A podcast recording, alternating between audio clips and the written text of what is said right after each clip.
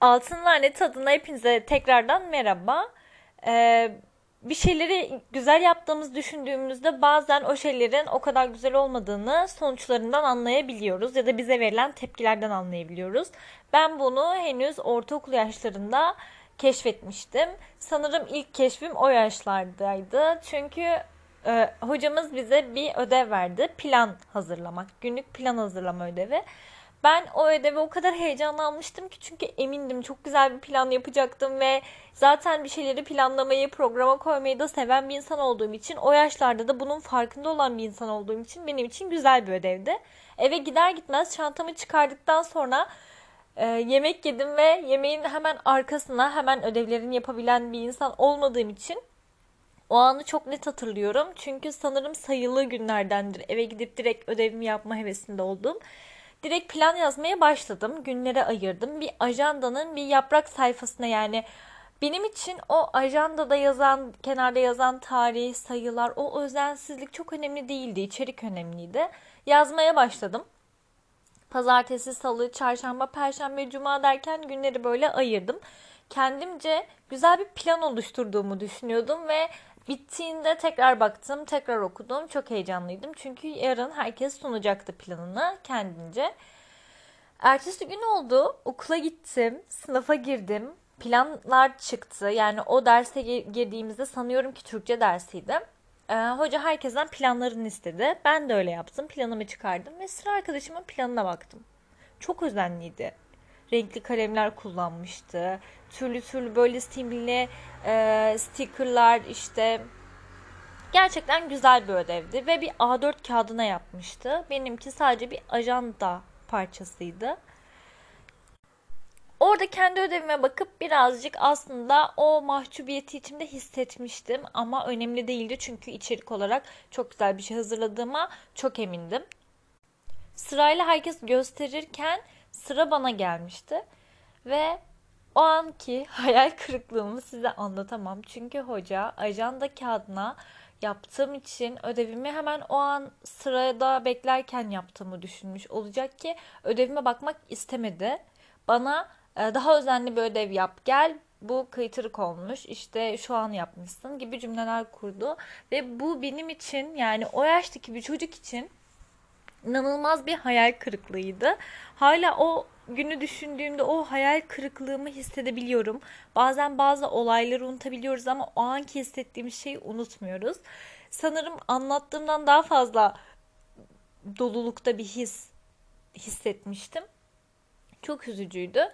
Bu hissi yıllarca hiç unutmamama rağmen hiç bu hissi tekrar hissettiğim bir dönem olmamıştı. Ben o ödevi ondan sonra yapmamıştım ve sanıyorum ki eksi almıştım. Çünkü eğer hayal kırıklığı yaşadıysanız, hevesiniz kırıldıysa daha sonra bir şey yapmak gerçekten gelmiyor içinizden ve o yaşlardaki bir çocuk için bu çok daha büyük bir travma. Daha sonra artık ödevlerimin içerikleriyle değil, şekliyle, süsüyle, püsüyle ilgilenmeye başladım ve bu bana açıkçası çok da bir şey katmadı. Ee, gel gelelim ki bu yıla kadar, bu yıl diye bahsettiğim yıl 2020 yılının son haftaları. Artık üniversitedeydim ve son sınıf öğrencisiydim. Ben e, Uludağ Üniversitesi'nde 4. sınıf okul öncesi öğretmenliği okuyorum. En son ortaokulda hissettiğim o hissi bir de yakın zamanda henüz 2-3 hafta öncesinde hissettim. Ve aklıma ortaokulda o hissettiğim his gel- geldiğinde ekstra bu his katlanmıştı. Çünkü artık online olarak e, ödev sunumları yapıyoruz. Maalesef ki pandemi dolayısıyla bildiğiniz üzere. Ve bizim e, çocuklara interaktif bir şekilde oyun oynatmamız gerekiyordu. Ve bunu videoya çekip sınıfta sunum yapacaktık. Benim de çevremde 0-6 yaş çocuğu olmadığı için eve döndüğümde bir haftalık süreçte hemen o videoyu çekmek istedim ve hazır evdeyken interaktif interaktif değil de çocuklar orada olduğu için yüzde bir video çekmek istedim. Gerçekten o kartlar hazırlandı. Çocuklarla kartları boyadık. Çok eğlenceli bir etkinlik öncesi geçirdik. Etkinlik de çok eğlenceli geçmişti. Ben balonlar hazırlamıştım. İşte etkinlik, oyun etkinliği çok eğlenceli bir etkinlikti zaten. İçerik olarak da çok zengindi. Kazanım gösterge olarak da. Ve çok emindim gerçekten yaptığım işten. Ta ki sınıfta bunu sunana kadar. Sınıfa gittiğimde ve yani girdiğimde online derse ve sunum sırası bana geldiğinde fark ettim ki hocanın istediği kriterlerde değil. Yani hoca interaktif istemişti ama ben kendi içimde bunu içselleştirip bunun daha güzel olabileceğini düşünüp öyle yapmıştım. Ama eğer birilerinin önüne sınır koyarsanız, birilerine şu kadar yapacaksınız derseniz o kadar yaptığı için mutlu olmak bu bana göre saçmadır. Bunun fazlasını yapmak o değerlendirme kriterini aşsa bile bence göz ardı edilmemesi gereken bir şeydir. Yani daha sonra tekrar işte interaktif ödev olmadığı için uyduruktan olduğu şeklinde konuşmalar döndü. Tam olarak böyle söylemese de benim algıladığım buydu. Ve o hayal kırıklığı yine dördüncü sınıfta, üniversite dördüncü sınıfta, son sınıfımda hissettiğim ve o ortaokul hissine geri beni döndüren bir his olmuş oldu. Ders bittiğinde gerçekten o kadar moralim bozuktu ki arkadaşlarımla yürüyüşe çıkacaktık. Hava çok güzeldi ve ben çıkmak istemedim. O kadar moralim bozulmuştu. Bunun yani anlatabileceğim bir kelime yoktu o moral bozukluğunu. Çünkü çok emindim iyi bir şey olduğuna ve iyi bir şey olduğuna emin olduğunuz bir şeyin sonucu eğer kötü gösteriliyorsa size bu hayal kırıklığı sanırım yani yeryüzündeki her hayal kırıklığından daha fazladır. Çünkü siz ona güveniyorsunuz, biliyorsunuz o şey iyi diyorsunuz. Arkadaşlarım arıyor, açmıyorum, görüşmek istemiyorum, e, çıkmak istemiyorum gibi olaylar oldu. Tabii sonuç e, yine onların istediği gibi oldu ama oraya atlıyorum. Daha sonra dedim ki Melike, kırılıp kendi içinde büyüteceğine bence bunu hocanla paylaş. Sana kızabilir, e, bahane gibi geliyor olabilir işte. Tekrar Bursa'ya dönme zorunda kaldığım için orada yüzde çektim vesaire işte. Ama kartları o çocuklarla beraber hazırladığınızı ve etkinlik öncesindeki o hazırlık aşamanızı bence hocam bilmeli. Çünkü sen ortaokulda öğretmenine diyemedin. Yani benim için bu çok önemli bir plandı. Ben bunu büyük bir heyecanla hazırlamıştım diyemedin. Diyemediğin için şu an hala bu olayı unutamadın. Belki de bunu anlatırsan aklından silinir.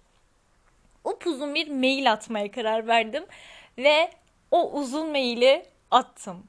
Yani hissettiğim, duygularımdan bahsettiğim sanırım ne bu kadar uzun içerikte bir metin yazmıştım, birine mesaj olarak atmıştım ne de bu kadar çok gerçekten hislerimden bahsettiğim bir an olmuştur. Yani hayatımda böyle bir şey olmamıştır. Daha sonra attıktan sonra pişman oldum. Arkadaşlarım geldi işte onları anlattım. Ee, nasıl silinir mail kafayı yiyorum çünkü yani hislerimden bahsetmemem gerektiğini düşündüm. Bunun e, yasak olduğunu ya da ayıp olduğunu, hocanın bunu anlamayacağını vesaire düşündüm. Ama e, ders aldığımız e, öğretmenimiz emotion coaching e, öğreticisi yani empati üzerine seminerler veriyor ve beni bu noktada anlayabileceğini de aslında bir yandan düşünüyordum.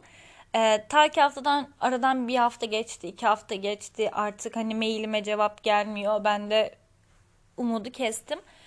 Bir gece mailime girdim ve bana aynı uzunlukta bir mesajla geri dönmüştü. Ee, beni tebrik ettiğini söylemiş, hislerinden böyle bahsettiğin için, bana kırılıp kızmadığın ve bunu anlattığın, dile getirdiğin için, çabanı göremediğim için, arka planda yaptığın şeyi hissedemediğim için e, işte kusura bakma tarzı bir mesajdı. Ve okuduğumda gözlerim doldu. Çünkü gerçekten bu anı, bu hislerimi böyle kelimelere döküp hocadan bu şekilde geri dönüş almak benim için bir noktada çok üst düzey bir şeydi. Çünkü ben genelde duygularımı, hislerimi ifade edebilen bir insan değilim.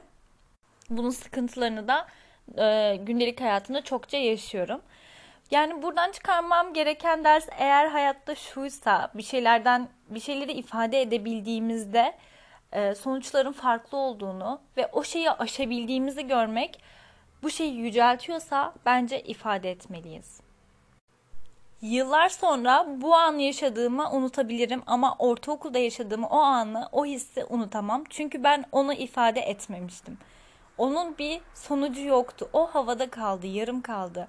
İnsanlar yarım kalan yemeklerini bile düşünürler. Yarım kalan hikayelerini nasıl düşünmesinler? Eğer sizin de aklınızda sizi rahatsız eden, zihninizi kurcalayan, bu tarz travmatik gelen sizin için daha farklı konulardır belki de. Bunların üstesinden gelmenin tek yolu iletişim kurmak. Sağlıklı bir iletişimin üstesinden gelemeyecek gerçekten hiçbir şey yoktur.